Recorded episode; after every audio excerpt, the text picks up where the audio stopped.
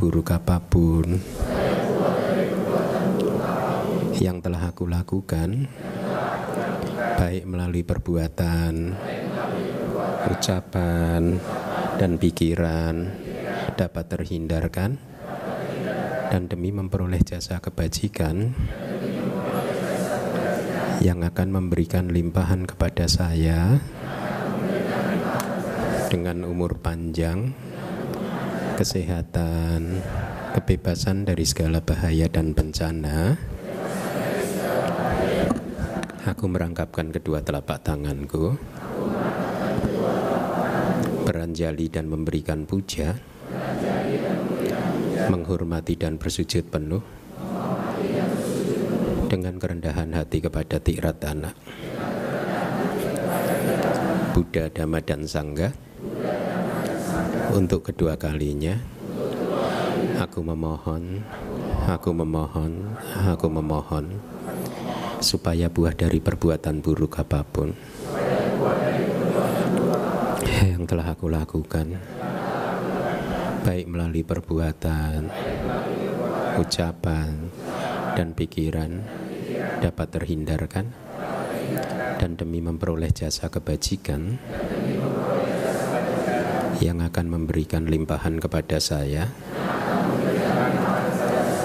dengan umur panjang kesehatan, kebebasan dari segala bahaya dan bencana. Aku merangkapkan kedua telapak tanganku, beranjali dan memberikan puja, menghormati dan bersujud penuh dengan kerendahan hati kepada Tiratana, Buddha, Dhamma, dan Sangga untuk ketiga kalinya Aku memohon, aku memohon, aku memohon supaya buah dari perbuatan buruk apa pun yang telah aku lakukan baik melalui perbuatan, ucapan, dan pikiran dapat terhindarkan dan demi memperoleh jasa kebajikan yang akan memberikan limpahan kepada saya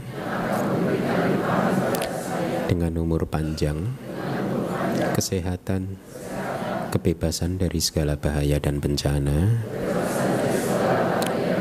Aku merangkapkan kedua telapak tanganku, beranjali dan memberikan puja, menghormati dan bersujud penuh dengan kerendahan hati kepada Tiratana Buddha, Dhamma, dan Sangga dan dengan perbuatan yang baik ini melalui sujud yang luhur semoga aku selalu terbebas dari empat alam yang menyedihkan tiga jenis malapetaka. Delapan jenis keadaan yang tidak tepat. Lima jenis musuh, empat jenis kemalangan, lima jenis kehilangan, segala jenis penyakit, dan 62 pandangan salah, serta secepatnya mencapai jalan kebebasan, maka buah, pala, dan damak mulia, yaitu nibbana. Ahang bante tisarane saha panca silang damang ya jami anugahang katwa silang teta me bante ampi ahang bante ti sarane na saha panca silam damang ya jami anugahang katwa silang me bante tati ampi Damang bante Tisaranena saha Panca silam. Damang ya jami Anugahang katwa Silang teta Me bante Yamahang wadami tang wadeta Namo tassa bhagavato arahato sama sambuddhasa Namo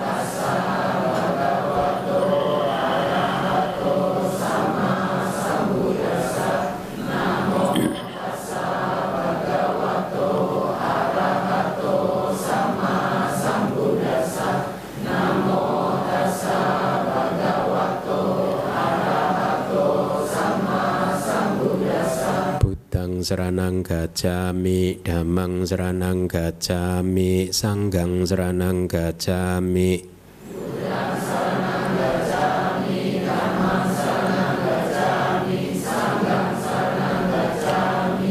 Dutiyampi Buddham seranang gacami Dutiyampi Dhammang seranang gacami Dutiyampi Sanggam seranang gacami Dutiyampi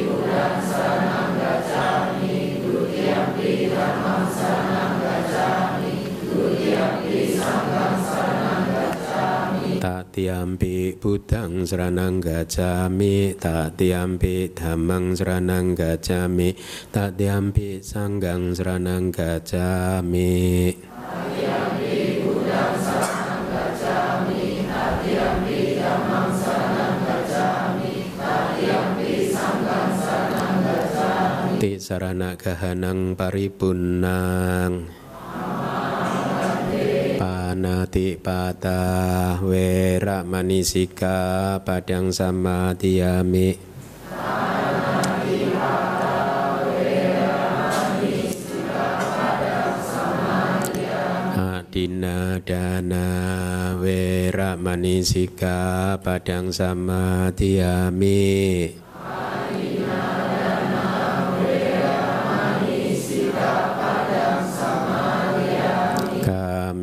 สุมิจฉาจาระเวระมณีสิกาปดังสมาธิยามิ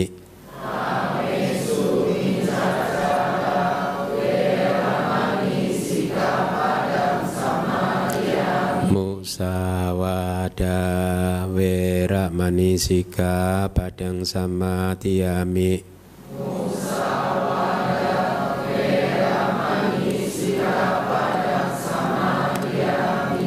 Tiami Surame raya maja pamadatana wera manisika padang sama tiami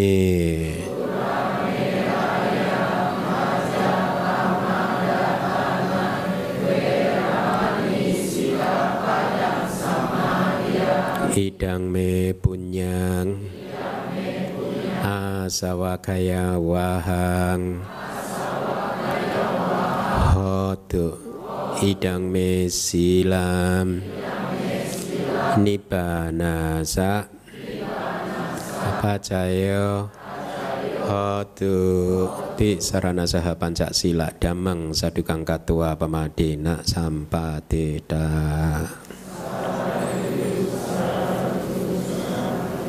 Baik, eh, selamat pagi para upasaka upasika sekalian.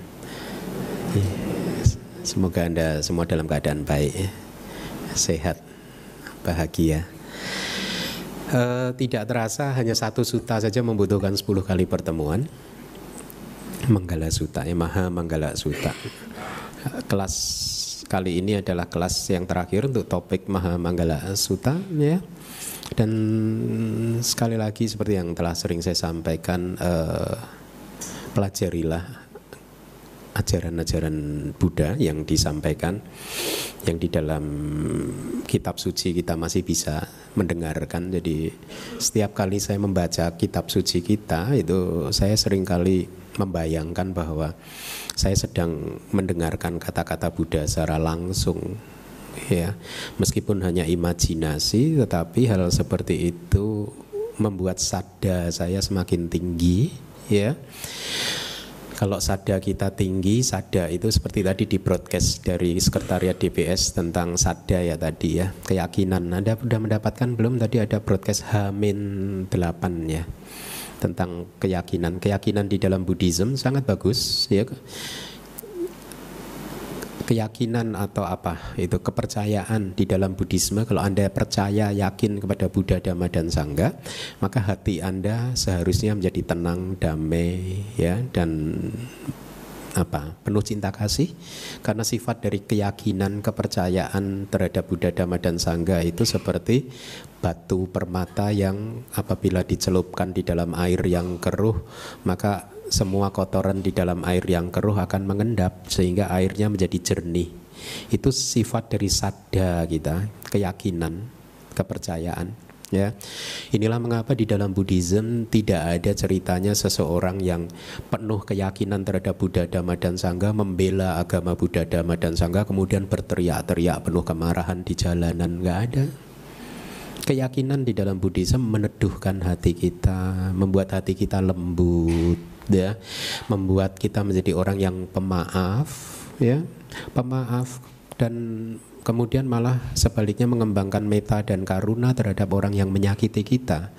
Kenapa? Karena kita tahu bahwa kalau ada orang yang sedang menyakiti kita, marah kepada kita, kita tahu bahwa mereka adalah orang yang menderita. Ya dan oleh karena itu tidak pada tempatnya kalau kita menambah penderitaan mereka dengan membalas kemarahan mereka dengan kemarahan kita dengan mempertahankan diri yang akhirnya membuat mereka semakin menderita tidak perlu. Malah sebaliknya kita akan memaafkan mengembangkan cinta kasih kewelas asihan terhadap mereka dan berusaha membantu mereka untuk segera memadamkan api kemarahan kita. Itulah sifat kualitas yang muncul dari mereka yang sudah mempunyai keyakinan yang kuat terhadap Buddha Dhamma dan Sangha, mereka akan semakin sering menjauhi konflik, pertengkaran, percekcokan, ya.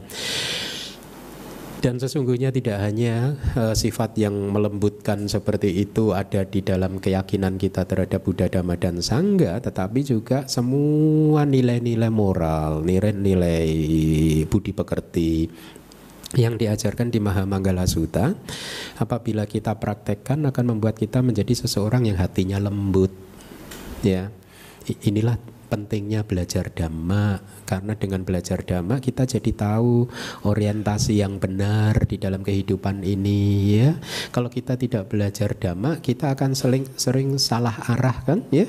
Banyak manusia yang salah arah. Kenapa salah arah? Apakah mereka sengaja mengarahkan dirinya ke arah yang salah? Tidak. Mereka tidak tahu bahwa mereka berjalan menuju ke arah yang salah. Ya. Mereka menurut mereka itu adalah arah yang benar, tetapi Buddhism mengatakan bahwa dunia ini tidak akan pernah bisa memberikan kebahagiaan kepada kita. Kalau kita senantiasa berjalan menghabiskan kehidupan kita hanya untuk mengejar keduniawian, maka ya tidak akan ada kedamaian dan kebahagiaan. Kedamaian dan kebahagiaan tidak akan Anda temukan kalau Anda berjalan keluar keluar dari hati Anda. Kedamaian dan kebahagiaan hanya akan bisa kita temukan kalau kita berjalan ke dalam, masuk ke dalam hati kita. Dan inilah mengapa kedamaian kita tidak tergantung pada dunia luar ya kedamaian itu ada di dalam hati kita ya. Inilah mengapa kalau kita mendengarkan dhamma ya hanya dua jam di dalam satu minggu akan membawa kita kembali ingat pada arah atau orientasi yang benar di dalam kehidupan kita.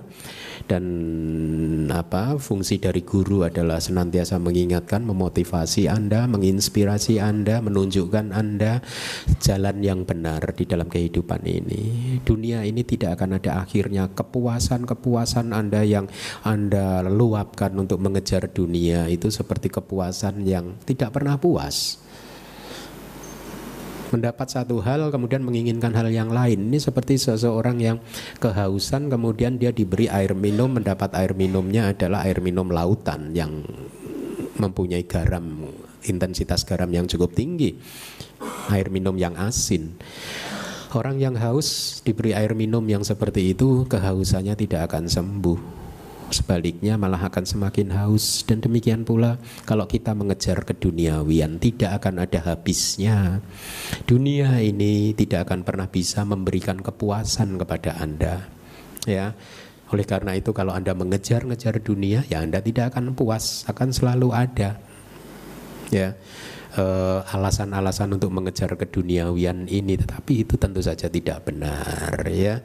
Nah, oleh karena itu belajar dhamma kembali lagi anda harus bisa menangkap apa sih esensi atau manfaat dari belajar dhamma ya. Seperti yang saya tulis di layar kali ini topiknya adalah Manggala Sutta.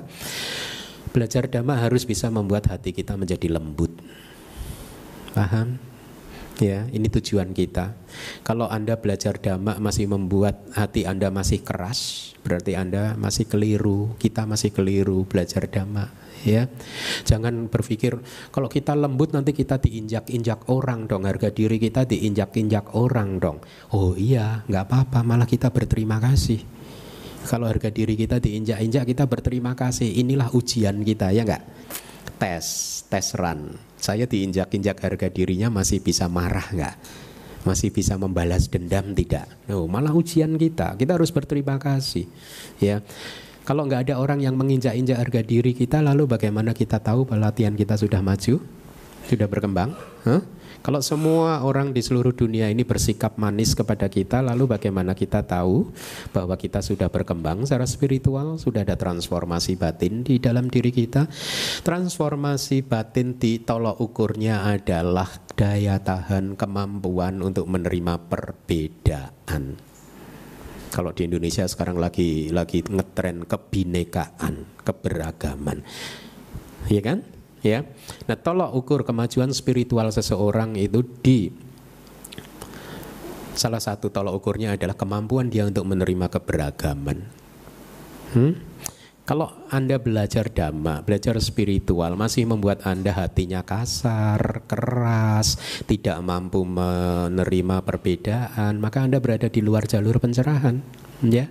Karena seharusnya praktek praktek-praktek spiritual apa pun itu akan membuat kita menjadi lebih manusiawi ya lebih manusiawi menghargai manusia-manusia yang lain ya jadi kalau ajaran spiritual yang mempunyai orientasi atau tujuan akhirnya adalah kelahiran di surga, ajaran mereka tentu saja mengajarkan bahwa kelahiran di surga adalah efek dari kelembutan hati. Hati yang lembut, hati yang penuh cinta kasih, hati yang penuh kewelas asihan, hati kualitas hati yang seperti inilah yang secara alamiah itu akan bisa hidup di dalam surga surga. Tidak ada ceritanya orang yang suka marah-marah, suka berteriak-teriak di jalanan hidupnya di surga. Anda bisa bayangkan nggak? Makhluk itu sifat Anda saat ini, sifat kita saat ini itu sesungguhnya adalah akumulasi, kumpulan dari sifat-sifat kebiasaan-kebiasaan yang kita lakukan di masa lalu. Ini sifat Anda itu adalah kumpulan dari kebiasaan Anda. Nah Anda bayangkan seseorang yang mempunyai kebiasaan berteriak-teriak kemudian lahir di surga. Kira-kira surganya damai nggak kalau diisi orang-orang seperti ini? Hah? Hmm? Jangan beranggapan enggak lah nanti kalau di surga saya nggak berteriak-teriak lagi. Eh nggak bisa, kebiasaan. Hmm? Dikit-dikit berteriak, dikit-dikit berteriak. kan nanti di surga itu kan mengganggu ketentraman surga kan. Nah kalau yang suka berteriak itu kalau by nature secara alamiah itu neraka.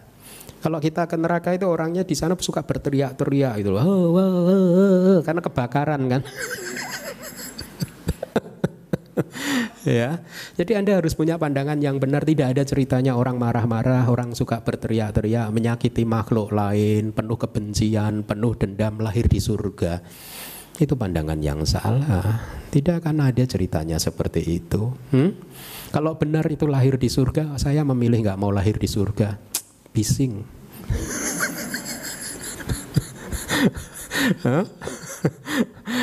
Berisik.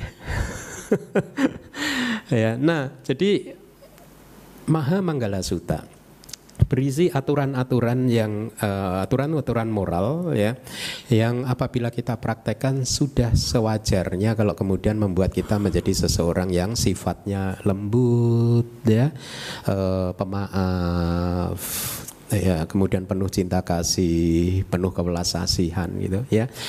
Kita sudah belajar ada 28 berkah ya. 28 amulet kan sudah kan? Sudah tahu kan sekarang amulet Buddhis ya hanya itu saja ya. Sekarang yang ke-29 adalah mari kita lihat. Yang ke-29 adalah melihat para pertapa atau melihat para orang-orang suci. Melihat para pertapa bertemu dengan anggota sangga itu adalah berkah. Ya, melihat orang suci itu berkah yang tertinggi. Ya kenapa berkah yang ber, uh, disebut uh, berkah yang tertinggi? Karena hanya mengunjungi atau melihat untuk tentu saja untuk menghormati mereka bukan untuk menantang mereka berdebat ya. Bukan untuk menguji kesaktian mereka tetapi mengunjungi melihat untuk menghormati mereka. Ini tradisi Buddhis yang baik ya. Dan sering kali e, banyak yang juga belum mempraktekkan bahwa sikap hormat kepada siapa pun itu baik. Dan Buddhism mengajarkan kepada kita sikap hormat ya kalau Anda bertemu dengan mereka yang silanya lebih tinggi dari Anda Anda juga harus memberikan satu hormat rasa hormat kepada mereka karena mereka sedang mempraktekkan mendapatkan sila yang lebih tinggi dari anda. Atau kalau misalkan dalam konteks hubungan uh, apa strata di dalam Buddhism ada yang disebut anggota sangga ada yang disebut uh, yang lainnya umat gitu. Nah umat itu harus juga menghormati anggota sangga. Buk bukan sebenarnya untuk anggota sangganya tapi ini adalah hukum alam ya.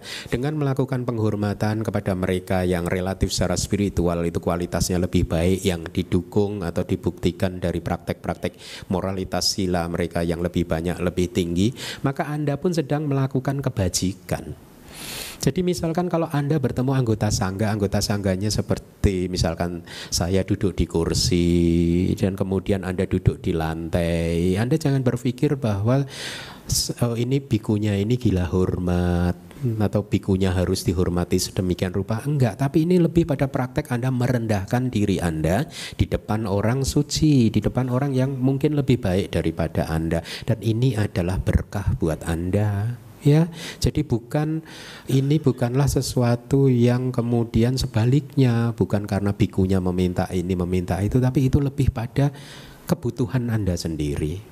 Ya, jadi mengunjungi para pertapa untuk menghormati mereka dengan cara mendatangi saja, mendatangi beliau, membantu beliau, ya, kemudian mengingat apa yang beliau ajarkan, mendengar apa yang beliau ajarkan, ya.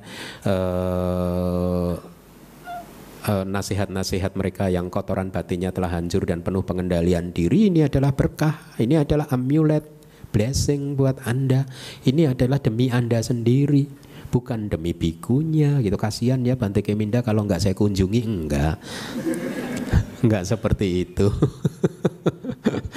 kalau 300 orang di sini setiap hari berkunjung pada saya malah saya yang pusing.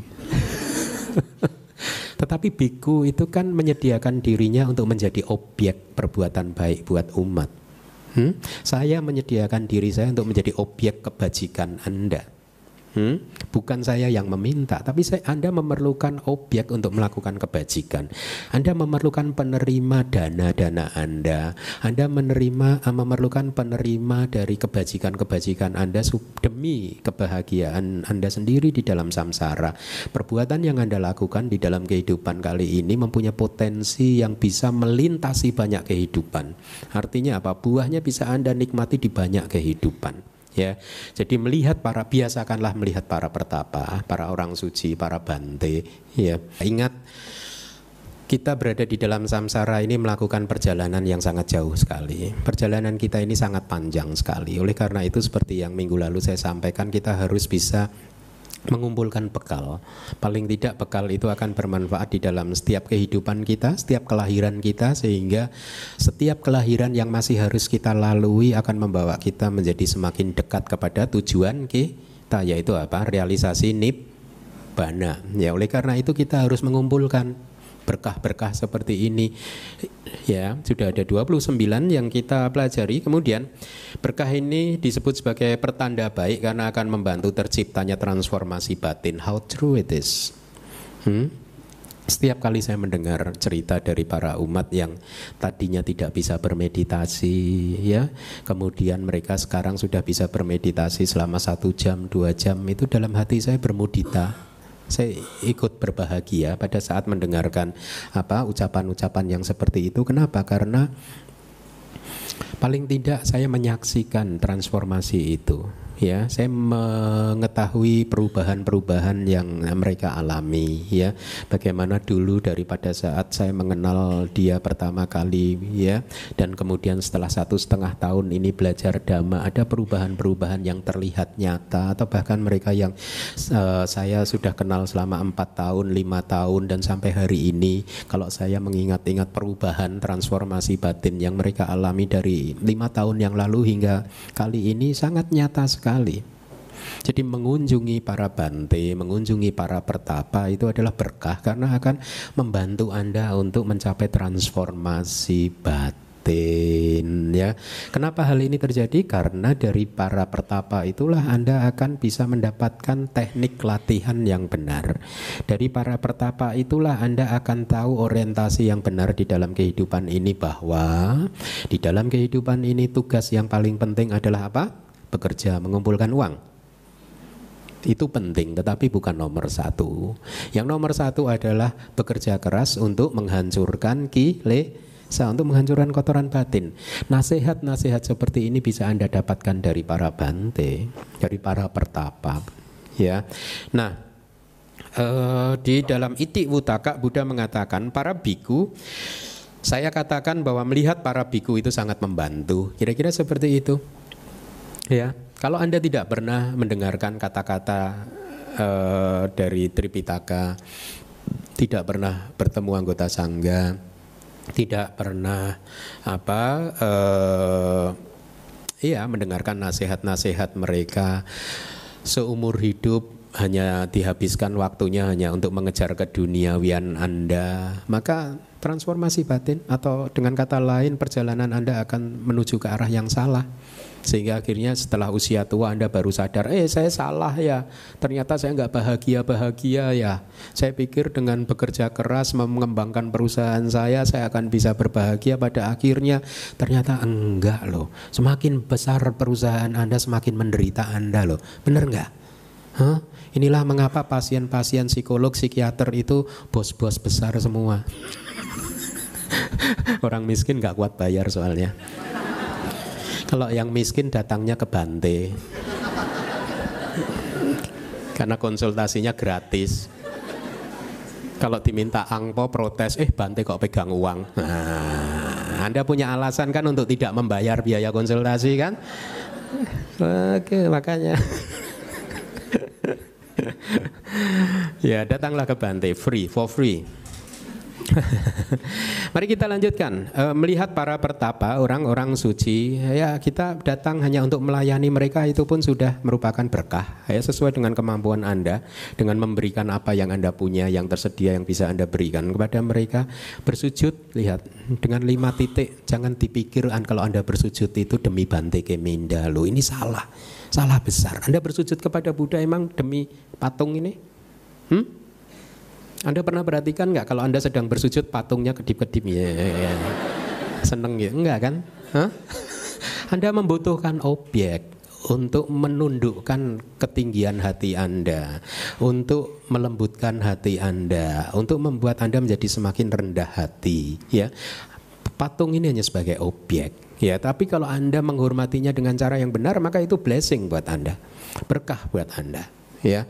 Sama dengan anda bersujud kepada anggota sangga gitu. Kalau anda menghormatinya dengan benar dengan hati yang benar dan pandangan yang benar tidak dengan pandangan salah maksud saya maka itu adalah blessing berkah buat anda. Nah secara tradisi bersujud kepada anggota sangga itu lima titik harus menyentuh tanah yaitu forehead anda jidat apa ini? Dahi. Dahi, tangan, siku, lutut dan kaki. Ya ini tradisi India ya. Atau beranjali dari kejauhan memandang dengan penuh sada dan meta. Jangan penuh kemarahan jangan penuh pikiran kotor pikiran buruk ya. Hormatilah mereka demi anda sendiri. Demi anda sendiri bukan demi mereka. Hmm? anda kalau memandang anggota sangga tanpa sada tanpa meta emangnya anggota sangganya terpengaruh anda sendiri kan, kalau Anda memunculkan kebencian, kemarahan, memangnya yang menderita anggota sangganya? Enggak kan, Anda sendiri ya. Jadi sekali lagi, eh, blessing yang ke-29 adalah eh, melihat para pertapa, kemudian yang ke-30 adalah membahas dhamma pada saat yang tepat. Apa itu pada saat yang tepat? Ketika batin dan pikiran sedang tersiksa oleh kilesa jadi umat yang saya katakan di minggu lalu umat Singapura datangnya ke wihara kalau pas lagi ada masalah itu benar dia sedang menjalankan berkah nomor 30. ya kan yang minggu lalu saya sampaikan ya. ya sampai saya hafal gitu ini kalau datang pada saya nanti pasti nanti minta ketemu saya habis itu konsultasi nih mumpung gratis kan kalau di psikolog di Singapura per jam berapa itu nah jadi ternyata benar. Ketika batin Anda sedang tersiksa oleh kilesa, maka pada saat itulah Anda perlu bertemu dengan seseorang untuk berdiskusi tentang dhamma ya. Batin Anda sedang bergejolak, penuh ketidakpastian, penuh masalah, entah itu di dalam keluarga, pekerjaan dan hubungan dengan sesama, maka pada saat itulah Anda memerlukan dhamma. Anda memerlukan teman diskusi yang baik supaya apa? Supaya gejolak hati Anda kilesa, kilesa Anda bisa segera Anda lenyapkan, Anda lepaskan untuk lenyap sehingga Anda mendapat satu arah yang benar untuk mengatasi permasalahan yang sedang Anda hadapi. Kalau Anda tidak mempunyai teman diskusi damak yang baik, maka Anda tidak akan tahu harus bagaimana saya menyelesaikan masalah yang sedang saya hadapi saat ini. Apakah harus dengan membalas dendam? Lihat, kalau Anda bertemu dengan orang yang baik, teman diskusi yang baik, dia adalah teman yang tidak mendorong munculnya kilesa-kilesa Anda. Dia akan senantiasa membantu Anda untuk bisa segera melepaskan kilesa-kilesa Anda. Nah, saat yang tepat juga adalah pada saat bertemu dengan orang yang bijaksana, berpengetahuan dhamma, ya. Kemudian eh, juga harus mempertimbangkan kenyamanan suasana hati mereka yang kita ajak berdiskusi jamnya tepat tidak. Kalau Anda tahu ini adalah jam istirahatnya Bante katakanlah gitu ya jangan dipaksa gitu. Sebentar aja Bante, sebentar aja Bante gitu. Ada juga umat pernah begitu. Sebentar Bante, ini saya datang dari jauh nih Bante gitu. Jadi kita gunakan kebijaksanaan kita ya. Nah, berdiskusi dengan dhamma, mencari teman untuk berdiskusi dhamma bukan untuk diajak berdebat.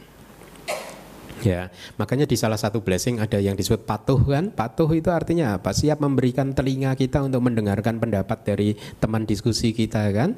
Kalau memang itu baik ya kita terima dengan baik bukan untuk diajak berdebat. Jadi sering kali di Indonesia itu ada saja umat yang belajar dhamma itu memanfaatkan Tripitaka, pengetahuan Tripitaka mereka itu sebagai alat pentungan, tahu nggak?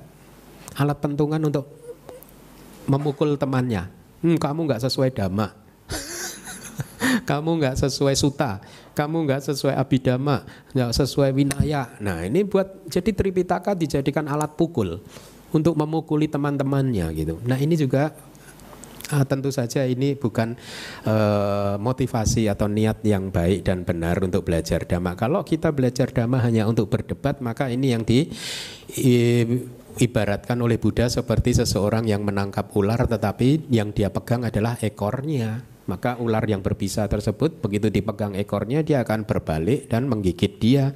Dia akhirnya menderita sendiri. Belajar dhamma bukan untuk menilai orang lain. Paham? Hmm? Belajar dhamma juga bukan untuk membuat sebuah supaya seluruh bangsa Indonesia ini beragama Buddha, tidak. Tidak, Buddhism tidak pernah berpikir bahwa Anda akan bahagia kalau seluruh bangsa Indonesia ini nanti beragama Buddha. Itu itu pikiran yang sia-sia. Ya. Sia-sia kenapa? Karena kebahagiaan tergantung pada kilesa Anda. Ya. Emangnya kalau semua umat um, warga negara Indonesia beragama Buddha Anda pasti tenang, damai dan bahagia kan ada kan orang yang berpikiran kalau bumi ini seragam maka dia akan bahagia. Itu sia-sia, itu pandangan yang dipenuhi oleh kebodohan Ya, lihat saja ini Anda 300 orang sama-sama beragama Buddha ada aja yang berantem sana sini sini sini gitu. ya. ada aja yang saling bermusuhan gitu. Jadi jadi apa uh, kita belajar Buddhism untuk mencapai kedamaian dan kebahagiaan bukan dengan cara seperti itu tetapi lebih pada mengembangkan kemampuan untuk menerima dunia ini apa adanya. Kalau dunia ini berwarna merah ya kita terima. Memang faktanya dunia berwarna merah merah. Kalau dunia ini berwarna hijau ya kita terima bahwa dunia ini berwarna hijau. Kalau dunia ini berwarna biru ya kita terima. Mengembangkan sikap kemampuan untuk menerima apa pun secara apa adanya tanpa perlawanan, tanpa penolakan, tanpa kebencian itulah tujuan dari latihan spiritual kita. Bukan untuk membuat dunia ini merah semua, bukan untuk membuat dunia ini hijau semua, bukan untuk membuat dunia ini biru semua kita bisa menerima dunia ini apa adanya dengan tersenyum, dengan lapang dada, tidak ada kebencian, tidak ada kemarahan, itulah latihan kita. Oleh karena itu senantiasalah melihat ke dalam hati kita masing-masing setiap kali kita mengalami atau menerima objek-objek panca indera dan objek dari pikiran kita, kita lihat reaksi-reaksi kita. Apakah kita masih bisa bereaksi uh, secara secara tenang, damai, sejuk atau bahkan sebaliknya, ada gejolak batin, ada penolakan, ada kemarahan, kebencian dan seterusnya. Ya. Nah, jadi uh, perlu sekali untuk untuk membahas uh, mempunyai teman berdiskusi yang uh, baik ya. Ingat bahwa tujuan kita hidup ini adalah menghancurkan kotoran batin, menghancurkan kilesa, kilesa kita, menghancurkan kemarahan, kebencian dan lain sebagainya. Itulah tujuan kita dan inilah mengapa kita harus belajar dan berdiskusi dhamma dengan tujuan supaya kita bisa mendapatkan cara yang lebih efektif untuk menghancurkan kilesa-kilesa kita, untuk menghancurkan emosi-emosi kita ya, bukan untuk sibuk memilah-milah oh ini bukan kata-kata Buddha, ini kata-kata Buddha. Ini Buddhisme awal, ini Buddhisme akhir. Buddhisme awal lah yang benar-benar sesungguhnya kata-kata Buddha. Buddhisme akhir itu adalah Buddhisme yang muncul belakangan, ini bukan berasal dari mulut Buddha. Anda menghabiskan waktu dengan memilah-milah seperti itu. Ya, emangnya Anda ingat dulu waktu Buddha masih hidup ini yang benar-benar dikatakan oleh Buddha yang ini yang ini yang ini yang ini? Kan enggak juga kan? Anda hanya memuaskan opini-opini Anda memuaskan nafsu-nafsu Anda. Ini Buddhisme awal ini Buddhisme akhir. Makanya kalau ada umat yang mengatakan kepada saya ini Buddhisme awal ini Buddhisme akhir itu saya congratulations kamu telah berhasil mengingat kehidupan kamu pada saat mendampingi Buddha selama 45 tahun. Sehingga kamu sekarang ingat ini yang benar-benar dikatakan Buddha dan ini yang tidak dikatakan oleh Buddha. Kan ada kan di Indonesia itu Buddhisme awal, Buddhisme akhir atau Abhidhamma itu bukan ajaran Buddha ya. Saya jawabannya selamat, congratulations. Gimana waktu deket-deket dengan Buddha dulu? Happy nggak gitu? Hmm? Sayang ya dulu udah pernah deket sama Buddha sekarang masih lahir lagi jadi manusia. Berarti dulu ngapain? dulu masak makanan buat Buddha yang ngepel kuti. Tidak mau belajar dhamma dan berlatih ya. tidak perlu menghabiskan hidup kita yang singkat ini hanya untuk melakukan hal-hal yang tidak bermanfaat untuk menghancurkan kilesa-kilesa kita ya kita pelajari Tripitaka dan kita aplikasikan kalau itu bermanfaat untuk mengendapkan emosi-emosi kita maka praktekkanlah kalau tidak bermanfaat ya sudah letakkan ya tidak perlu lalu kita memberi cap oh berarti yang tidak bermanfaat ini bukan ajaran Buddha yang bermanfaat ini saja yang ajaran Buddha. Manfaatkan waktu kita sebaik-baiknya. Kita hidup sebagai manusia ini kan singkat sekali ya. 60 tahun, 70 tahun, 80 tahun tidak ada yang bisa memastikan tapi apa pun cepat atau lambat akan berakhir. Prestasi Anda di dunia ini cepat atau lambat harus Anda akhiri juga. Hmm? Usaha Anda yang sukses cepat atau lambat juga harus Anda akhiri.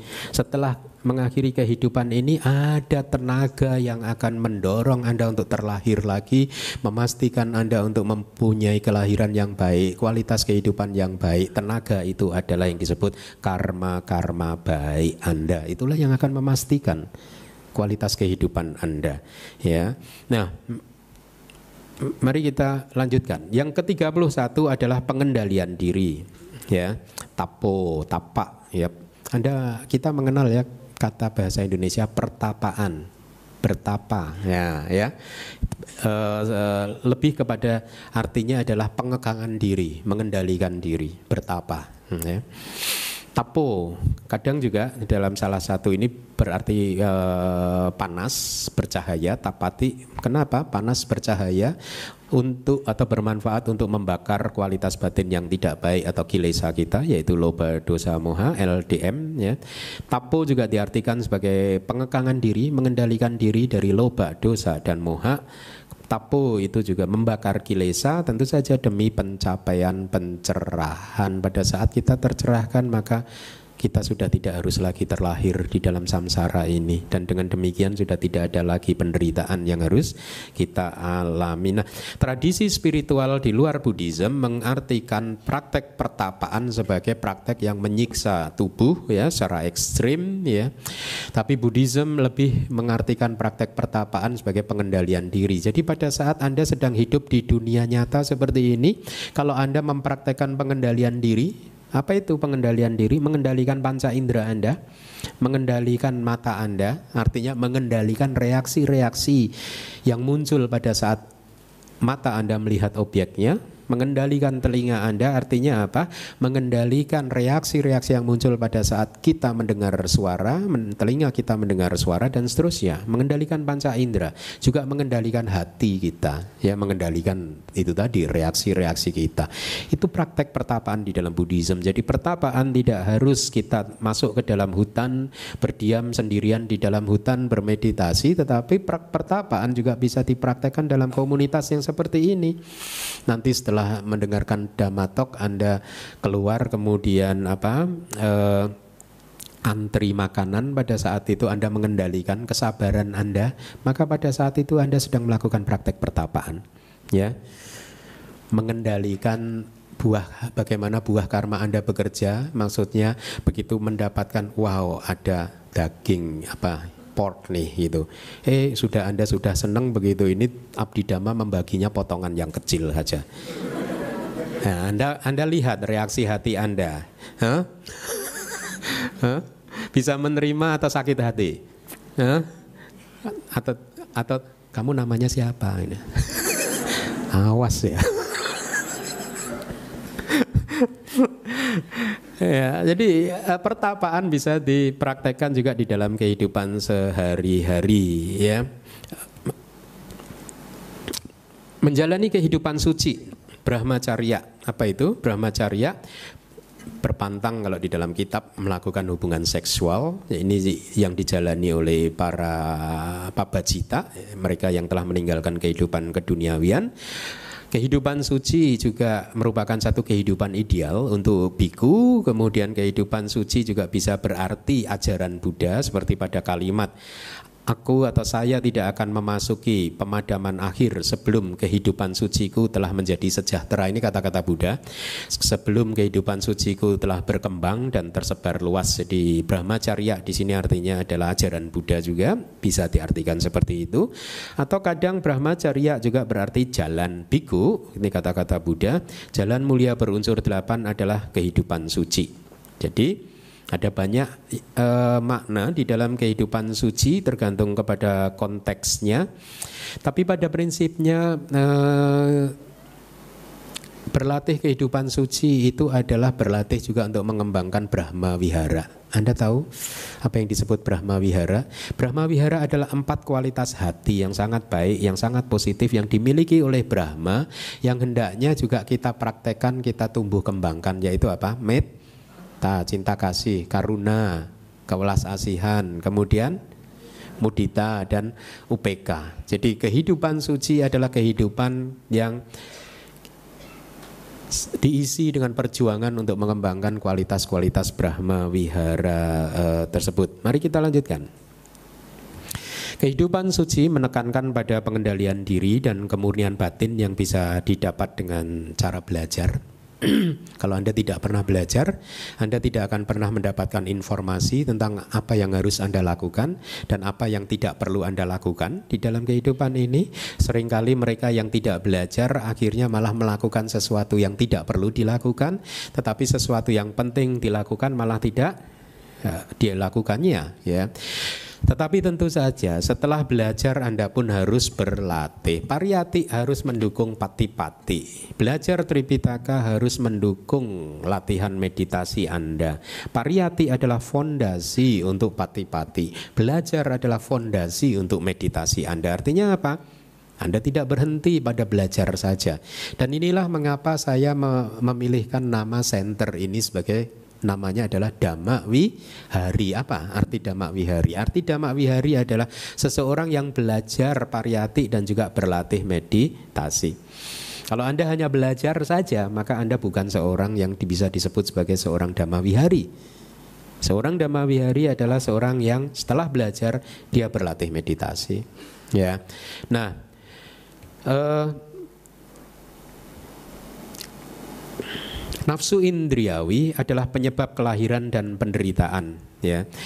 E, dan nafsu indriawi ini bisa dilenyapkan, bisa dihancurkan kalau kita mempunyai informasi yang cukup dari pariyati, dari teori-teori yang kita pelajari dan kemudian dari teori tersebut kemudian kita praktekkan, kita latih melalui meditasi kita uh, hingga latihan puncak kita berhasil dengan mencapai kehancuran dari nafsu-nafsu uh, indriawi ya nafsu-nafsu keinginan tanha kita. Dan dengan demikian uh, dengan hancurnya nafsu-nafsu tersebut maka uh, kita akan segera bisa keluar dari samsara. Nafsu indriawi Nafsu seks adalah penyebab berbagai masalah dan bahkan kelahiran kembali yang penuh penderitaan kita harus mengendalikannya dengan sila ketiga, lima sila, di lima sila ataupun di delapan sila. Bedanya kalau di lima sila adalah kita e, menjauhkan diri dari persinahan, tetapi kalau di delapan sila kita secara komplit lengkap kita menjauhkan diri dari hubungan seks dalam bentuk apa pun gitu. Jadi kehidupan suci adalah merupakan pertanda baik karena menjadi sebab tercapainya pencerahan. Yang ke-33 Berkah yang berikutnya adalah melihat kebenaran mulia. Ini adalah melihat melalui langsung melalui e, meditasi vipassana kita. Jadi vipassana, meditasi vipassana, puncak dari latihan vipassana kita adalah realisasi langsung tentang empat kebenaran mulia. Melihat secara langsung tentang empat kebenaran mulia ya inilah yang membuat seseorang menjadi seorang sotapana membuat seseorang menjadi seorang arya sama juga pada saat seseorang menjadi seorang mencapai tingkat kesucian sakadagami, anagami dan arahat, sesungguhnya yang membuat mereka menjadi sakadagami, anagami dan arahat adalah realisasi mereka terhadap empat kebenaran mulia. Jadi meditasi Anda, samata Anda, vipassana Anda tidak lain dan tidak bukan adalah hanya sebagai alat bantu untuk menembus secara langsung empat kebenaran mulia dan dengan demikian eh, kita akan menjadi seseorang yang tercerahkan. Empat kebenaran mulia dan uh, jalan mulia berunsur delapan kalau anda cermati itu saling berkaitan ya karena uh, kebenaran mulia yang keempat itu sesungguhnya adalah apa? Ingat nggak? Kebenaran mulia yang keempat itu apa? Jalan mulia berunsur delapan. Jal, dari jalan mulia berunsur delapan, faktor yang pertama apa? Pandangan benar. Pandangan benar yang adi duniawi itu apa? Menembus empat kebenaran mulia. Jadi lihat ada ada hubungan yang sangat erat dari empat kebenaran mulia dan jalan mulia berunsur delapan. Dan pada hakikatnya empat kebenaran mulia hanya akan uh, bisa ditembus kalau jalan mulia berunsur delapan berkembang secara maksimal. Ya. Pengetahuan duniawi tentang kebenaran mulia adalah petunjuk untuk menjalani kehidupan secara benar serta membantu kita untuk menghindari pandangan salah. Inilah pentingnya belajar. Ya, karena belajar akan memberikan kita petunjuk arah yang benar sehingga kita tahu apa yang harus kita lakukan, apa yang harus tidak uh, kita hindari, ya. Dan dengan demikian kita bisa terus mengembangkan apa yang perlu kita lakukan dan kemudian sebaliknya kita juga bisa meninggalkan apa yang tidak harus kita uh, lakukan gitu.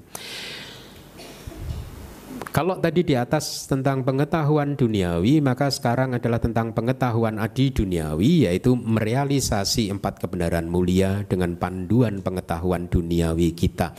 Jadi dengan belajar seperti ini kita mendapatkan semua informasi tentang empat kebenaran mulia.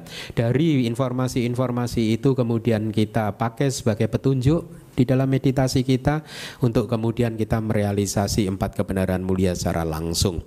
Penembusan empat kebenaran mulia inilah yang bisa diartikan sebagai realisasi nibbana ya.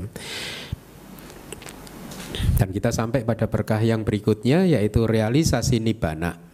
Nibbana adalah tujuan akhir dari kita semua Buddhis Inilah mengapa setiap kali Anda melakukan kebajikan biasanya saya membimbing Anda untuk uh, mengaspirasikan kebajikan Anda. Semoga kebajikan yang Anda lakukan ini bisa menjadi pendukung untuk merealisasi nibbana. Tapi Anda harus memahaminya bahwa kebajikan yang Anda lakukan itu hanya menjadi pendukung, tidak bisa menjadi sebab langsung. Dia hanya menjadi pengkondisi ya. Anda tidak bisa mencapai nibbana hanya dengan melakukan kebajikan seperti berdana atau menjaga sila, tidak. Anda hanya akan bisa merealisasi nibbana setelah berdana Anda, latihan-latihan sila Anda, Anda tingkatkan e, masuk ke dalam latihan meditasi, baik itu samata maupun e, vipassana. Nibbana itu melampaui kata-kata. Sangat sulit untuk mendeskripsikan nibbana, ya dan akan menjadi lebih mudah kalau kita merealisasinya sendiri, mengalaminya sendiri ya. Anda ingat cerita tentang kura-kura dan ikan yang hidup di dalam satu danau? Masih ingat ya? Huh? kalau Anda lupa saya ulangi ceritanya seperti ini. Jadi kura-kura dan ikan ini adalah sahabat yang hidup di dalam satu danau. Mereka berkawan sudah sejak lama.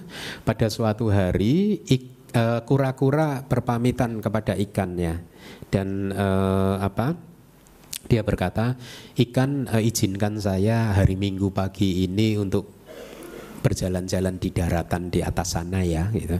Kemudian ikannya berkata, "Iya silahkan." gitu ya. Dan singkat cerita akhirnya kura-kuranya keluar dari danau, dia berjalan di daratan seharian penuh. Sebelum matahari tenggelam, kura-kuranya turun ke danau tersebut dan disambut dengan wajah yang uh, berbinar dari sahabatnya, ikan ya menyambut dan kemudian dia berkata, "Hei kura-kura, selamat datang kembali di danau kita." gitu. Kemudian ikannya bertanya, "Di daratan sana sama di danau kita mana airnya yang lebih jernih? Kemudian kura-kuranya menjawab di daratan nggak ada air. Ikannya tidak percaya mana ada alam semesta tidak ada air. Yang namanya alam kehidupan ya selalu itu isinya air. Ya, kura-kura mencoba menjelaskan bahwa benar di daratan itu tidak ada air, tetapi si ikan tidak bisa memahaminya. Kenapa? Karena seumur hidupnya sejak lahir hingga hari itu yang dia tahu hanyalah air saja. Dia tidak pernah bisa membayangkan ada alam kehidupan yang isinya hanya tanah tanpa air. Sehingga meskipun dijelaskan oleh kura-kuranya sedemikian rupa, ikan pun tidak bisa memahaminya. Nah, jadi itulah kesulitan kita untuk memahami nibana. Kenapa? Karena nibana adalah satu pengalaman di luar panca indera. Ya, sementara kehidupan kita dari lahir dari awal samsara sampai hari ini terperangkap dalam uh, kehidupan panca indera saja. Sehingga sangat sulit untuk bisa memahami satu kehidupan, satu bukan kehidupan karena nibana itu bukan kehidupan. Sangat sulit memahami satu keadaan di mana itu adalah uh, satu keadaan yang benar-benar di luar panca indera. Kata-kata tidak bisa mendeskripsikan nibana juga. Kenapa? Karena kata-kata kalau kita cermati, kata-kata itu diciptakan oleh panca indera. Diciptakan oleh pengalaman-pengalaman yang masuk melalui panca indera. Semua kata-kata, semua kalimat adalah e, ciptaan dari pengalaman-pengalaman yang masuk di dalam lingkup panca indera. Sehingga kata-kata tidak akan pernah bisa mendeskripsikan pengalaman atau keadaan di luar panca indera ya. Paling kita hanya bisa merujuk di dalam salah satu suta pada saat Buddha mengatakan bahwa nibbana adalah keadaan di mana loba dosa dan moha itu hancur. Nibbana adalah jenis kebahagiaan yang tertinggi tetapi nibbana itu seperti apa akan sangat sulit selain kita mengalaminya sendiri. Nah realisasi nibbana membawa konsekuensi yaitu hancurnya sepuluh belenggu Sakaya titik dan seterusnya dan dengan hancurnya 10 belenggu maka kita akan bisa keluar dari uh, samsara. Nibana juga bisa dibedakan menjadi dua yaitu saupa disesa nibana dan anupa disesa nibana. Saupa disesa nibana yaitu pencapaian nibbana pada saat seorang arahat masih hidup, masih ada sisanya. Pancakandanya masih ada sisanya, ada residunya. Ya, jadi pada saat seseorang, seseorang mencapai tingkat kesucian arahat, dia sudah tidak harus melakukan uh, uh, latihan meditasi untuk menghancurkan kilesa kembali, tugas dia sudah selesai, dia sesungguhnya sudah merealisasi nibbana dan nibbana yang dia realisasi itu mempunyai istilah khusus yaitu sa upa di sesa nibbana yaitu nibbana yang masih mempunyai uh, sisa dan yang kedua adalah anupa di sesa nibbana yaitu nibbana tanpa sisa. Nibbana ini adalah nibbana yang dialami oleh para Buddha, Paceka Buddha dan Arahat setelah parinibbana, sudah tidak ada sisanya lagi ya. Nah, berkah yang ke-35 adalah batin yang tidak goyah ketika disentuh oleh keadaan duniawi. Karena batin yang seperti itu tetap tenang seimbang pada saat menghadapi delapan loka dhamma atau delapan dhamma duniawi yaitu laba laba untung atau tidak untung. Yasa yasa itu adalah uh, tenar atau tidak tenar ya. Uh, pasangsa ninda itu uh, dipuji dan dicaci, suka dan duka, kebahagiaan dan e, penderitaan.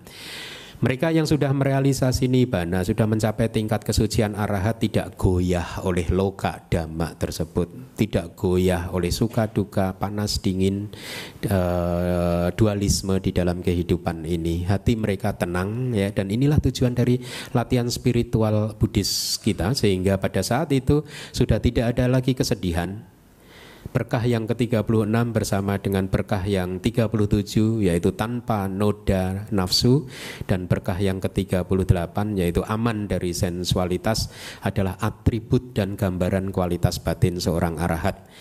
Keadaan batin seperti daun talas yang tidak tergores oleh tetesan air, bebas dari gangguan, murni dari segala nafsu, tenang teduh, delapan loka dhamma tidak lagi membuatnya berguncang, bergerak ya.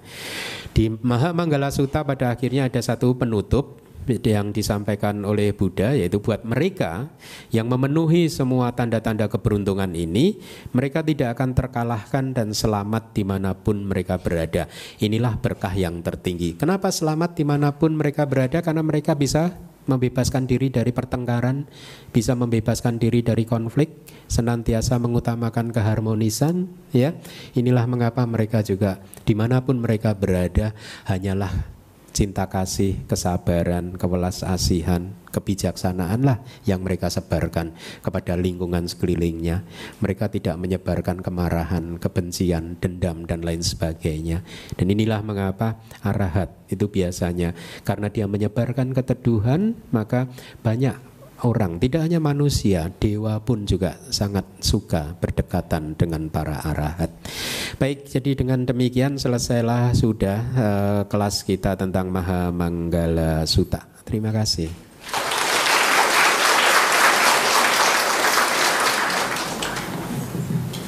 Sugiotu Bante. Uh, saya mempunyai dua pertanyaan. Pertama mengenai penghormatan. Jadi kecuali Padidana kita mempunyai suatu tradisi yaitu Cingbing oh. ke kuburan. Nah di sana kita juga melakukan mungkin penghormatan atau apa pun ya. Kemudian ada juga misalkan menghormat pahlawan ya Bante ya. Hmm. Apakah itu termasuk satu di antara Manggala Sutta?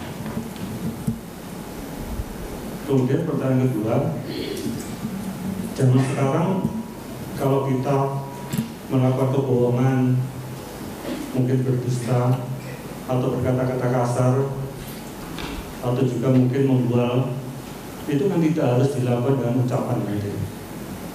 Bisa dilakukan dengan misalkan WhatsApp, Messenger lah. Banyak sekali bagi BBM, kemudian Instagram, dan sebagainya. Nah, kalau ini memenuhi kriteria yang nomor empat yaitu musyawarah, kemudian buah karmanya dibandingkan dengan mengucap bagaimana tentu lebih berat yang mana? Terima kasih.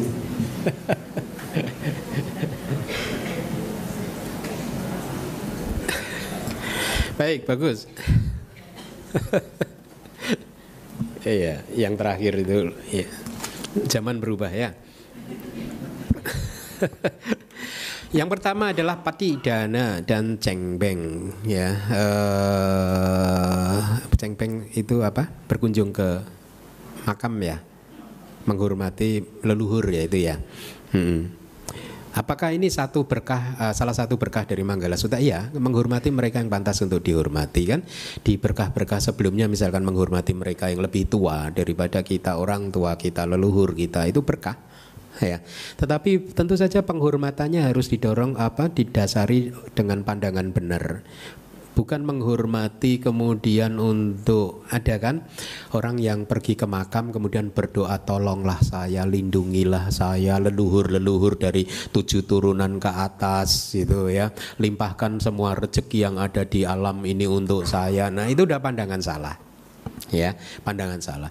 Tapi kalau kita datang kepada mereka, kemudian kita merenungkan bahwa mereka dulu telah pernah berjasa di dalam kehidupan kita, ya mereka dulu pernah melakukan banyak hal yang baik buat kehidupan kita, menopang kehidupan kita, tidak hanya kehidupan kita tapi juga mungkin kehidupan-kehidupan anak cucu yang lain ya. Kemudian eh, betapa mereka adalah seseorang yang telah menghabiskan mendedikasikan kehidupannya untuk uh, apa membuat semua keturunannya itu bisa menjadi seperti saat ini betapa hebatnya mereka. Dan kemudian dari sana kemudian kita memunculkan rasa hormat dan berterima kasih kepada mereka atau bahkan lebih jauh lagi kita terinspirasi untuk bisa juga bisa menjadi manusia yang bermanfaat untuk orang lain maka itu adalah makna yang benar. Kita terhindar dari pandangan salah dan itu adalah berkah. Tapi ke jadi tergantung pada motivasi kita. Kita tidak bisa menilai bahwa pergi ke makam adalah baik, pergi ke makam adalah buruk, tidak bisa. Kita menilai dari motivasinya. Hmm? Kalau kita karena banyak itu yang dipraktekkan di pulau-pulau Jawa gitu. Jadi pergi ke makam untuk ngalap berkah istilahnya gitu. Jadi istilahnya apa? Untuk mendapatkan mengumpulkan berkah dari para leluhur dan mereka kemudian berdoa dengan meminta tolong, meminta kekuatan dari mereka, maka ini adalah bukan Buddhisme. Buddhisme lebih pada untuk mengingat kembali jasa-jasa mereka, kebajikan yang sudah mereka lakukan, ya. E kemudian uh, kita kemudian kata new kata wedi ya kita tahu bahwa mereka telah melakukan perbuatan baik pada kita. Kata wedi kita ingin membalas jasa. Cara membalas jasanya bagaimana? Kepada mereka di salah satu suta dikatakan tegakkan tradisi keluarga yang baik. Yang baik kita harus tegakkan. Harus kita jaga. Misalkan leluhur kita suka menyantunin orang-orang yang kesulitan itu kan tradisi yang baik ya kita harus teruskan ya leluhur kita su, uh, suka berdana maka itu tradisi yang baik itu harus kita uh, teruskan jadi dengan cara demikianlah kita uh, menghormati leluhur-leluhur kita ya saya harap jelas. Yang kedua adalah uh, membual berbohong kan tidak harus dengan berkata-kata. Zaman sekarang bisa membual melalui WA. Ini sama jawaban saya tadi bahwa kita tidak bisa mengatakan berkunjung ke pemakaman itu baik atau buruk karena yang menentukan kualitas baik atau buruknya adalah motivasinya kan? Niatnya kan? Dia niat positif atau negatif pada saat dia yang mendorong dia untuk pergi ke pemakaman. Maka demikian pula dengan dengan dengan kebohongan membual dan lain sebagainya kita tidak bisa membatasinya dengan ucapan ya. Jadi kalau seseorang itu via media sosial menulis sesuatu yang bersifat kebohongan, ya itu pun kebohongan. Kebohongan. Di kitab-kitab kita juga ada contoh seperti ini kan. Jadi kita tidak bisa menilai kualitas moral dari perbuatan hanya melulu melalui apa yang terdengar atau apa yang uh, apa kata-kata uh, kalau di dalam kitab komentar. Ada kan seorang ibu yang yang ingin memberi pelajaran kepada anaknya yang yang dalam tanda kutip nakal karena anaknya ini setiap hari suka keluar masuk hutan padahal di hutan itu kan berbahaya. Nah ibunya kan khawatir. Nah pada suatu hari ibu sang, sang ibu berkata seperti ini anakku kalau hari ini kamu masuk ke hutan lagi mama sumpahin. Semoga begitu kamu masuk ke hutan kamu diseruduk kerbau Ya, kelihatannya kata-katanya itu sadis kan. Nah, singkat cerita ceritanya berlanjut, anaknya nekat masuk ke dalam hutan pada saat dia berada di tengah hutan tiba-tiba dia bertemu dengan kerbau yang marah dan siap menyeruduk dia beneran gitu ya pada saat kerbaunya udah berlari menuju ke arah dia dia kemudian diam sebentar dia hanya ber, apa, um, berkata di dalam hati semoga yang terjadi kepada saya adalah apa yang ada di dalam hati mamah saya bukan apa yang keluar dari mulutnya gitu. Nah singkat cerita begitu uh, sang anak mengucapkan kata-kata itu kerbaunya berhenti. Tentu saja ini hanyalah cerita untuk memberikan gambaran karena pada saat sang mamah mengeluarkan kata-kata seperti itu tidak ada niat untuk mencelakai anaknya. Dia hanya sedang memberi pelajaran kepada anaknya supaya tidak masuk ke dalam hutan. Nah, poin dari cerita ini adalah bahwa kita tidak bisa melihat sesuatu itu dari kata-kata saja atau dari hal yang bersifat fisik tetapi lebih masuk ke dalam. Motivasi apa yang mendorong seseorang berkata-kata? Motivasi apa yang mendorong seseorang uh, broadcast melalui melalui media sosial apa pun itu, ya. Jadi dengan demikian kita juga akan terhindar dari sifat yang penuh kecurigaan atau terlalu mudah menilai orang lain hanya dari kata-kata. Ingat, kata-kata tidak bersuara loh. Seringan yang terjadi di dalam uh, percakapan melalui media sosial itu ya seseorang saling atau satu orang kemudian menanggapi secara negatif kata-kata dari orang kedua katakanlah seperti itu. Kenapa? Karena dia mempersepsikan kata-kata yang ada di media sosial itu secara negatif. Tetapi belum tentu ini kata-kata yang diucapkan oleh orang kedua ini sesungguhnya juga mempunyai motivasi yang negatif. Jadi akhirnya persepsi pribadi itu sering bermain di dalam media sosial itu jadi kembali lagi menjawab pertanyaan Anda, apakah membual itu juga bisa dengan uh, media sosial? Bisa. Tapi kita tidak pernah tahu, kita tidak bisa menilai seseorang kalau buat kita untuk menilai apakah seseorang membual atau tidak. Lebih baik kita tidak terlalu mudah untuk menilai, tetapi kita lebih mengendalikan diri kita bahwa saya akan menghindari kebohongan membual melalui media sosial gitu. Paham maksud saya ya. Karena itu pun juga merupakan karma buruk. Syarat dari membual berbohong adalah menyam, satu menyampaikan sesuatu yang tidak benar. Ya. Kita tahu ini adalah tidak benar. Kedua, kita mempunyai maksud orang yang membaca atau yang mendengarkannya percaya dengan bualan kita. Udah selesai. Maka kita berbohong. Dan itu karma buruk juga. Ya tidak. Nah, demikian pula dengan zaman modern? Karena zaman udah berubah. Game. Ya. Games. Anak-anak anda itu kalau suka main games anda harus cek apakah gamesnya itu membangkitkan meta karuna mudita UPK atau gamesnya itu membangkitkan dosa kemarahan kebencian. Huh? Kalau gamesnya itu membangkitkan kemarahan kebencian, Anda juga harus waspada hati-hati karena itu tidak akan bagus buat perkembangan psikologis anak Anda. Hmm. Kelihatannya hanya games, main di dalam layar kan. Tetapi kemarahannya, kebenciannya itu benar-benar ada loh. Hmm? Betul tidak? Ya, nah kalau anak-anak kita, anak-anak anda terbiasa setiap hari bermain games yang membuat, yang mengharuskan dia untuk meluapkan, mengembangkan kemarahan dan kebenciannya, maka tentu saja hal seperti ini tidak baik buat perkembangan kejiwaan dia. Ya, jadi ini juga harus uh, anda sebagai orang tua juga harus mewaspadai, ya, uh, jangan sampai nanti malah uh, apa kemajuan zaman ini membuat perkembangan kejiwaan seseorang menjadi tidak bagus. Dulu kalau saya tidak salah di tahun 90-an itu di Singapura Hmm, 90-an atau tahun 2000-an ya.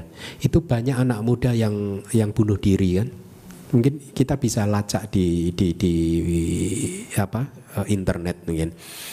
Uh, Singapura pernah mempunyai problem itu banyak orang bunuh diri.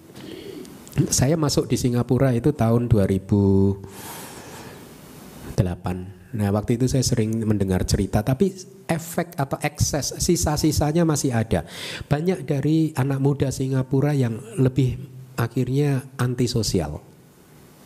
Kenapa? Karena mereka lebih menikmati dunia kehidupan dia di depan komputer, di depan game.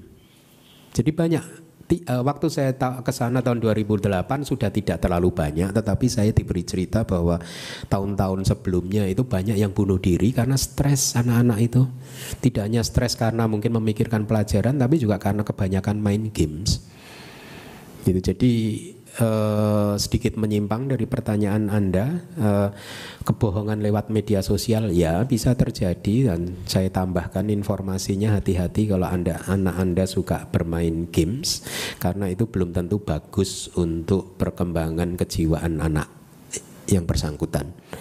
Makanya kalau Anda umat Buddha ciptakanlah games bagaimana mengembangkan meta gitu. Bagaimana mengembangkan karuna, bagaimana mengembangkan mudita, UPK. Ada nggak game yang begitu? Hmm?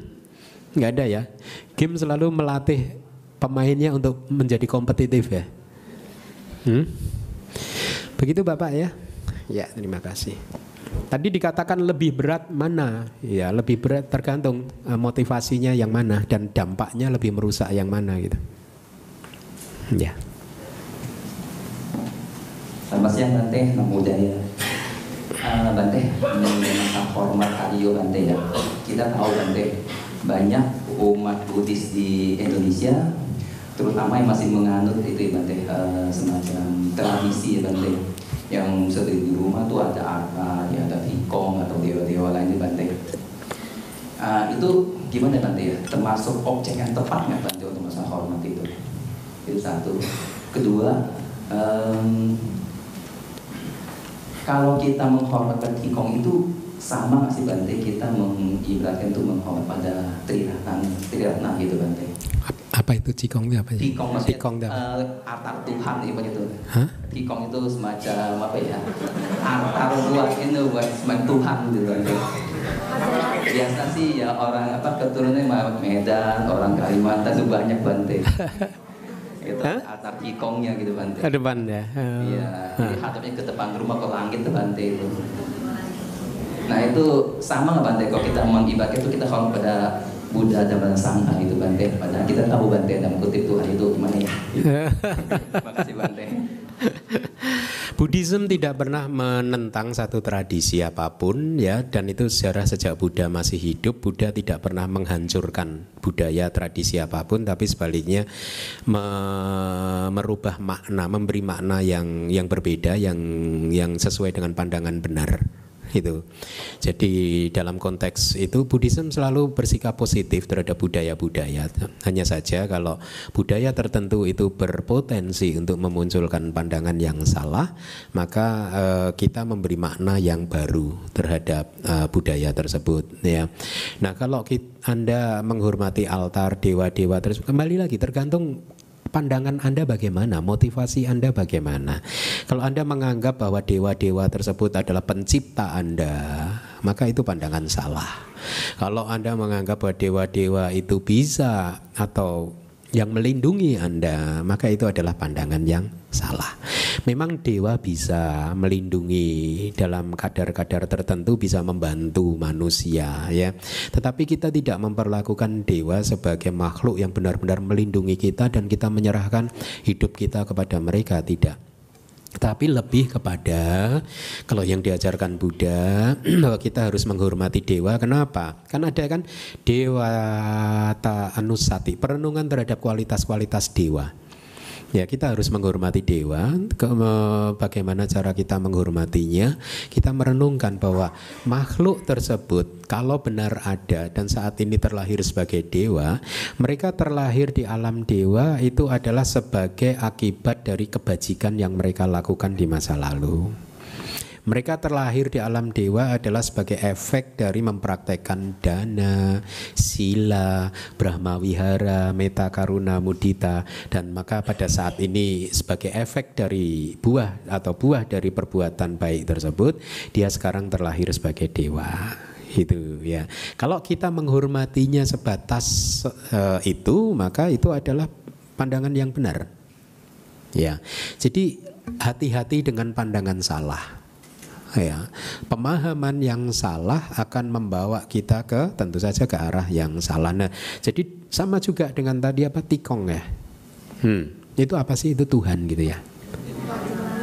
Hmm? De dewa langit. Raja langit. Hah? Dewa saka oh dewa saka ya. Oh dewa saka itu kok. Kalau dewasa, makanya tergantung lagi, tergantung sikap kita bagaimana, tergantung motivasi kita bagaimana, bagaimana kita memperlakukan dewasa kak atau tikong tadi ya. Kalau kita hanya sebatas menghormati, sama kan? Kita menghormati bendera juga sama kan, hmm? menghormati Pancasila uh, di negara Indonesia ini, menghormati apalagi, huh? menghormati orang tua kita, menghormati jangankan orang tua siapa pun yang tidak ada hubungan darah dengan kita kalau mereka lebih tua daripada kita kita juga menghormatinya kan jadi tidak ada yang tidak ada yang sebenarnya spesial dari penghormatan tersebut selama motivasi kita benar tapi kalau kita kemudian sudah menganggap bahwa tikong ini adalah pencipta alam semesta yang menciptakan saya, yang melindungi saya, yang memberi rezeki pada saya, ya, maka itu adalah pandangan yang salah. Jadi perlakukan mereka sebagai memang makhluk yang terhormat yang memang pantas untuk menerima penghormatan dari kita karena mereka bisa seperti itu adalah uh, buah dari perbuatan baik mereka gitu ya. Jadi dengan demikian maka uh, kita tetap terjaga tidak jatuh pada pandangan yang salah ya terima kasih saya mau nanya uh, yang dimaksud uh, kan kita suka baca tuh yang kayak aku memohon, aku memohon ketiga kali yang gitu segala ya. Itu maksudnya uh, memohon itu kepada siapa? Bukannya kita ini terlahir dari karma sendiri gitu. Uh, jadi segalanya tergantung dengan per, dari perbuatan kita gitu. Uh, maksudnya ya, jadi memohon itu kepada siapa gitu yang saya tanya gitu. Ya. ya. Ya, seperti sudah pernah saya sampaikan di kelas terdahulu. Ini sebenarnya terjemahan dari Okasa, Okasa, Okasa. Jadi saya memohon kepada anggota sangga, tolong tuntunlah kami untuk uh, apa, uh, berikanlah kami tuntunan perlindungan kepada Tiksarana dan Pancasila. Itu saja. Memohon anggota sangga untuk memberikan bimbingan uh, tuntunan uh, supaya kita bisa berlindung kepada uh, Buddha Dhamma dan Sangga dan juga bisa mengambil latihan lima sila gitu. Tetapi kata-katanya kan kemudian diikuti itu sangat bagus sekali supaya perbuatan buruk apa pun yang telah aku lakukan baik melalui perbuatan ucapan mau pikir maupun pikiran dapat terhindarkan dan demi terciptanya kualitas baik ya umur panjang dan lain sebagainya maka saya merangkapkan kedua telapak tanganku menghormati ha? Bukankah itu adalah kebajikan? Nah jadi kalimat supaya perbuatan buruk apa pun yang telah saya lakukan di masa lalu bisa terhindarkan ya.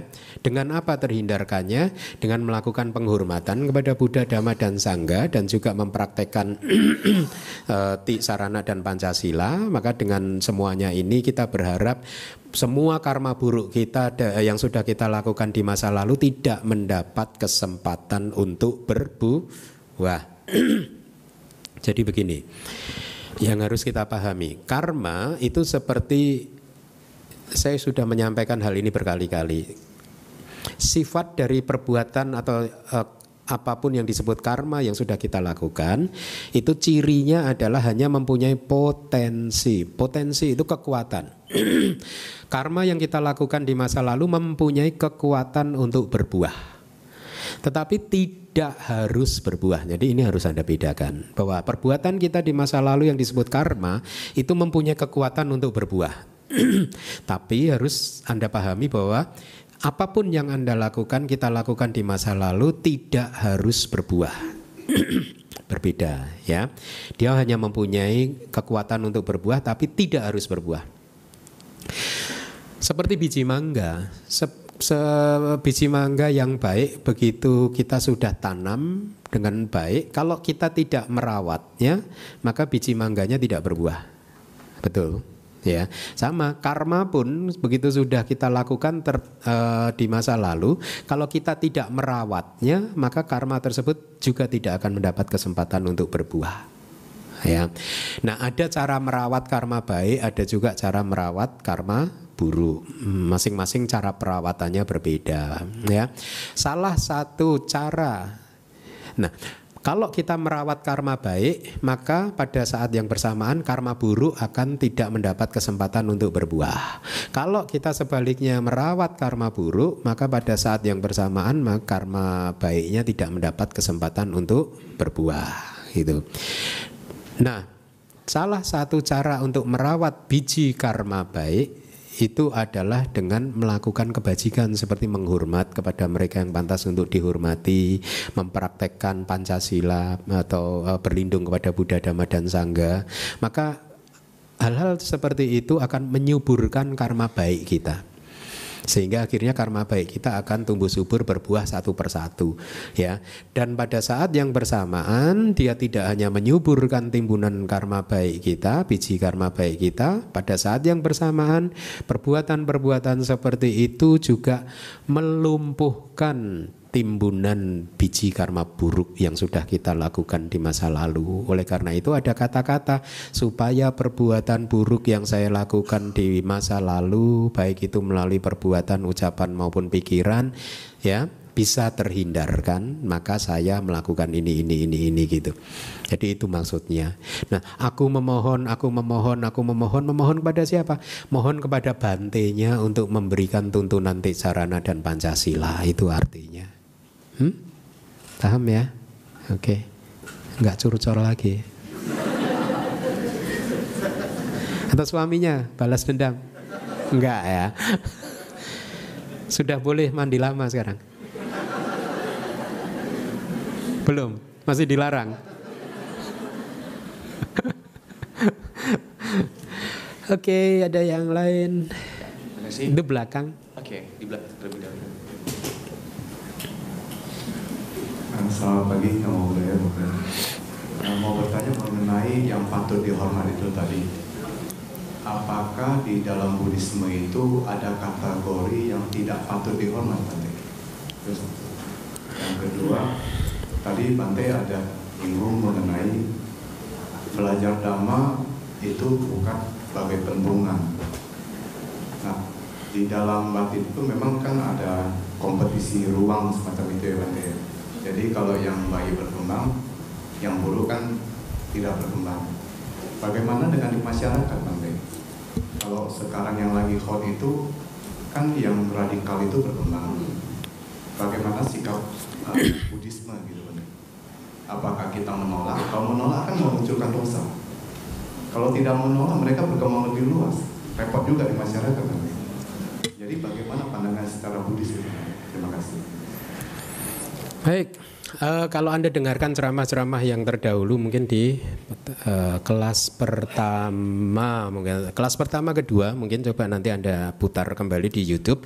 Menghormati mereka yang pantas dihormati itu artinya mendengarkan kata-kata mereka, nasihat mereka, kita dengarkan, mengikuti apa yang dikatakan oleh mereka. Lebih kepada itu. Apa kalau kemudian kalau tadi ditanyakan apakah di dalam Buddhism itu ada kat, uh, definisi tentang orang-orang yang tidak patut dihormati, iya, tapi dalam konteks kita tidak perlu mendengarkan kata-kata mereka, tidak perlu mengikuti apa yang dia nasihatkan, bukan tidak menghormati dalam artian membenci, memusuhi, ya. Karena itu adalah bentuk dari kemarahan dan kebencian. Tetapi tidak menghormati dalam konteks kita tidak mengikuti nasihat-nasihat mereka. Kita tidak ingin mencontoh seperti uh, apa yang sudah mereka lakukan. Itu yang ya. Tapi tetap saja tidak ada kemarahan dan kebencian karena itu makanya di salah satu kelas terdahulu juga saya sampaikan tidak ada satu ruangan pun di dalam kitab suci kita yang mengizinkan kemunculan kemarahan dan kebencian. Inilah mengapa Buddhism dikenal sejak lahir sampai hari ini sebagai agama yang cinta damai.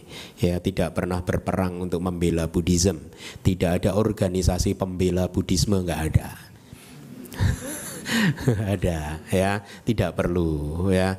Nah eh, dalam konteks-konteks seperti itu maka kata-kata menghormati itu harus uh, dipahami dan dalam konteks uh, tidak mendengarkan atau mengikuti cara-cara mereka itu kata tidak menghormati itu harusnya atau hendaknya dipahami.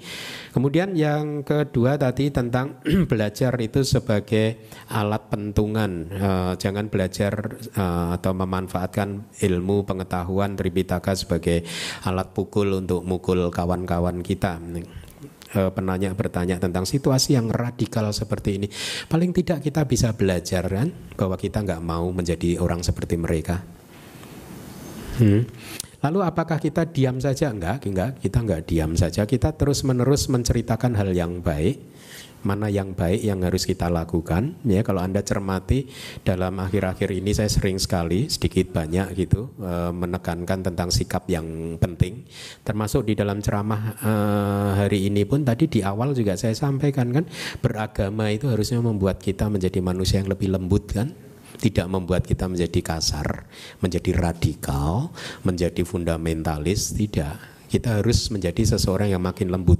Kalau kita mempraktekkan ajaran Buddhisme malah membuat kita menjadi kasar, maka kita berada di jalur yang salah. Itu yang kita harus uh, prak, uh, yang bisa kita lakukan. Kita tidak tidak harus mengcounter gerakan-gerakan seperti itu uh, dengan mencontoh cara-cara mereka kan. Karena kalau kita mencontoh cara-cara mereka lalu apa bedanya Anda dan mereka? Tidak ada bedanya. Lalu bagaimana? Apakah kita diam saja? Enggak loh, kita enggak diam. Kita tetap uh, berjuang semaksimal mungkin. Minimal di Indonesia ini ada 300 orang yang cinta damai di sini. Ya enggak? Dan itu kan setiap itu adalah perjuangan kita. Karena memang kita mampunya wilayahnya hanya 300 ini ya 300 saja.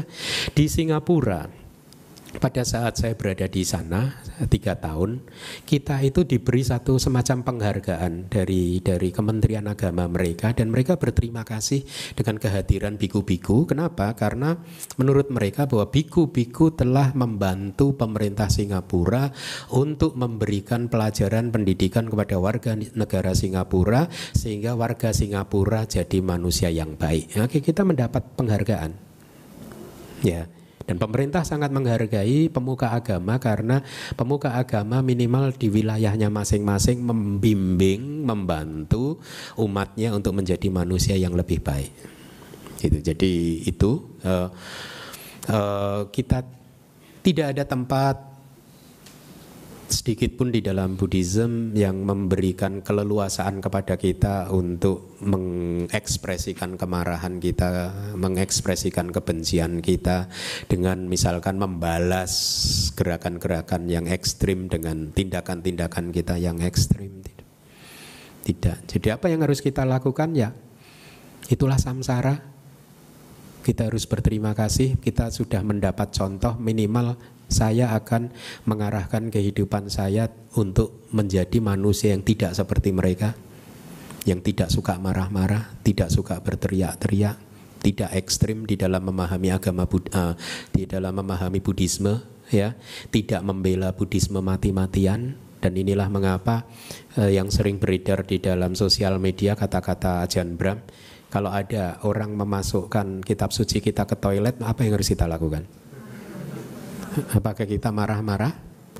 Tidak kan? Panggil plumber ya. Iya, itu lebih realistis. Karena kalau nggak segera disedot mampet kan, nggak bisa dipakai kan. Itu lebih bagus. Nah, kitab suci kita bisa beli lagi dan saya rasa umat juga suka kan kalau dikabari, aduh kitab suci kita udah basah loh. Oh nggak apa-apa Bante beri kesempatan saya untuk berdana Bante. Nah ada kesempatan untuk berdana lagi gitu. Jadi uh, orientasi seperti ini harus harus kuat bahwa kita uh, yang menjadi tujuan kita berlatih Buddhisme adalah untuk memurnikan hati kita, menegakkan pandangan-pandangan kita sehingga tidak terjebak pada pandangan yang salah ya. Kemudian kita tidak belajar Buddhisme untuk menjadi umat yang fundamentalis, tidak menjadi teroris yang hanya mencelakai uh, orang lain, tidak. Tapi sebaliknya kita dengan melihat contoh-contoh seperti itu seharusnya membuat kita menjadi semakin semakin bertekad untuk melatih diri, mengembangkan diri untuk segera keluar dari samsara karena kehidupan tidak pasti. Kehidupan itu berisi dengan kejadian-kejadian yang seperti itu ya. Dan mumpung kali ini kita terlahir sebagai manusia yang mengenal Buddhisme ya. Sesungguh bersyukur bahwa kita mengenal Buddhisme yang tidak ada satu ajaran pun yang mengajarkan kepada kita untuk seperti itu, maka kita harus bersyukur. Ya itu yang harus kita lakukan. Ya, sekali lagi seperti yang tadi saya katakan di dalam ceramah, tujuan kita berlatih Buddhism bukan untuk menjadikan uh, bumi ini sesuai dengan keinginan kita. Tapi tujuan kita berlatih Buddhism, belajar Buddhism adalah untuk mengembangkan kebijaksanaan, untuk memahami memang kehidupan itu seperti itu. Seperti itu. Ibaratnya pohon bunga teratai, ada yang masih terendam di dalam lumpur. Ada yang sudah bisa keluar dari lumpur tapi masih tenggelam di air. Ada yang tenggelamnya di tengah-tengah permukaan air, di tengah air, ada yang di permukaan, ada yang sudah keluar dari permukaannya. Begitulah samsara. Dan itu terjadi di kelahiran kita di kapan pun. Di masa lalu juga hal seperti itu terjadi. Di kelahiran kapan pun. Ini karena ini menjadi ciri dari samsara. Samsara seperti itu. Oleh karena itu hendaknya sudah cukup buat kita. Untuk tidak lagi terjebak di dalam samsara. Ya. Sekarang kita terlahir sebagai manusia seperti sekarang ini. Anda bisa jamin nggak di kelahiran Anda besok Anda tidak lahir seperti mereka? Jangan-jangan Anda lahir seperti mereka. Makanya mumpung saat ini terlahir sebagai manusia kita harus berjuang keras untuk mengembangkan kebijaksanaan kita melalui pariyati dan pati-pati untuk segera mengakhiri samsara. Itu tujuan kita. Itu ya John? Ya, terima kasih. Namo Buddhaya Bante. Uh, tadi disebutkan dalam Manggala 30 membahas dhamma pada waktu yang tepat ada berkah utama. Itu ketika batin dan pikiran kita tersiksa oleh kilesa. Sementara yang waktu yang lalu yang Manggala 26 mendengarkan dhamma ketika batin tidak bergejolak batin tidak dikuasai oleh nafsu indrawi kehendak jahat atau kekejaman pertanyaannya seperti ini Bante membahas kan aktif, mendengarkan dan berbicara. Mendengarkan aja batinnya harus tenang. Sementara yang kenapa membahas itu tersiksa boleh ya berkah utamanya di situ. Mohon penjelasannya. Iya, berbeda. Kalau mendengarkan ini seperti Anda saat ini mendengar. Tadi saya berceramah, Anda mendengarkan kan? Ya. Salah satu manfaat dari mendengarkan dhamma adalah kita memahami sesuatu yang belum kita pahami atau kita memahami sesuatu yang sebenarnya sudah kita pahami kemudian dengan mendengarkan dhamma maka pemahaman kita menjadi lebih sempurna. Atau pada saat kita mendengarkan dhamma maka pemahaman kita yang masih salah menjadi benar menjadi yang bengkok tadinya menjadi lurus ya. Itu manfaat dari mendengarkan dhamma seperti tadi. Tetapi pada saat blessing yang berikutnya tentang berdiskusi dhamma itu lebih pada pada saat tadi disebutkan hati kita atau kilesa sedang menguasai hati kita, kemudian uh, sedang banyak masalah di dalam kehidupan kita, itu lebih kepada pada saat hati kita dikuasai oleh emosi-emosi yang negatif, sering kali kita tidak tahu tentang bagaimana atau cara yang bagus untuk bisa melenyapkan emosi-emosi ini eh, dengan cara yang bijaksana sesuai dengan dharma itu seperti apa. Oleh karena itulah pada saat yang seperti itu kita perlu mendekat kepada mereka yang lebih bijaksana, kepada guru-guru kita untuk berdiskusi. Berdiskusi itu ya kayak tadi curcol itu kayak kemarin itu kan, itu kan berdiskusi itu ya itu ya Bante saya mau begini kok nggak boleh nah itu berdiskusi itu Ya, beda ya jadi ya. Jadi ada satu problem yang kita hadapi yang sedang terjadi di dalam kehidupan kita, kemudian kita sampaikan problem tersebut supaya kita mendapatkan satu sudut pandang dari sisi yang berbeda yang selama ini tidak pernah kita pikirkan. Itu jadi berbeda, cirinya berbeda. Baik. Oke. Terima kasih.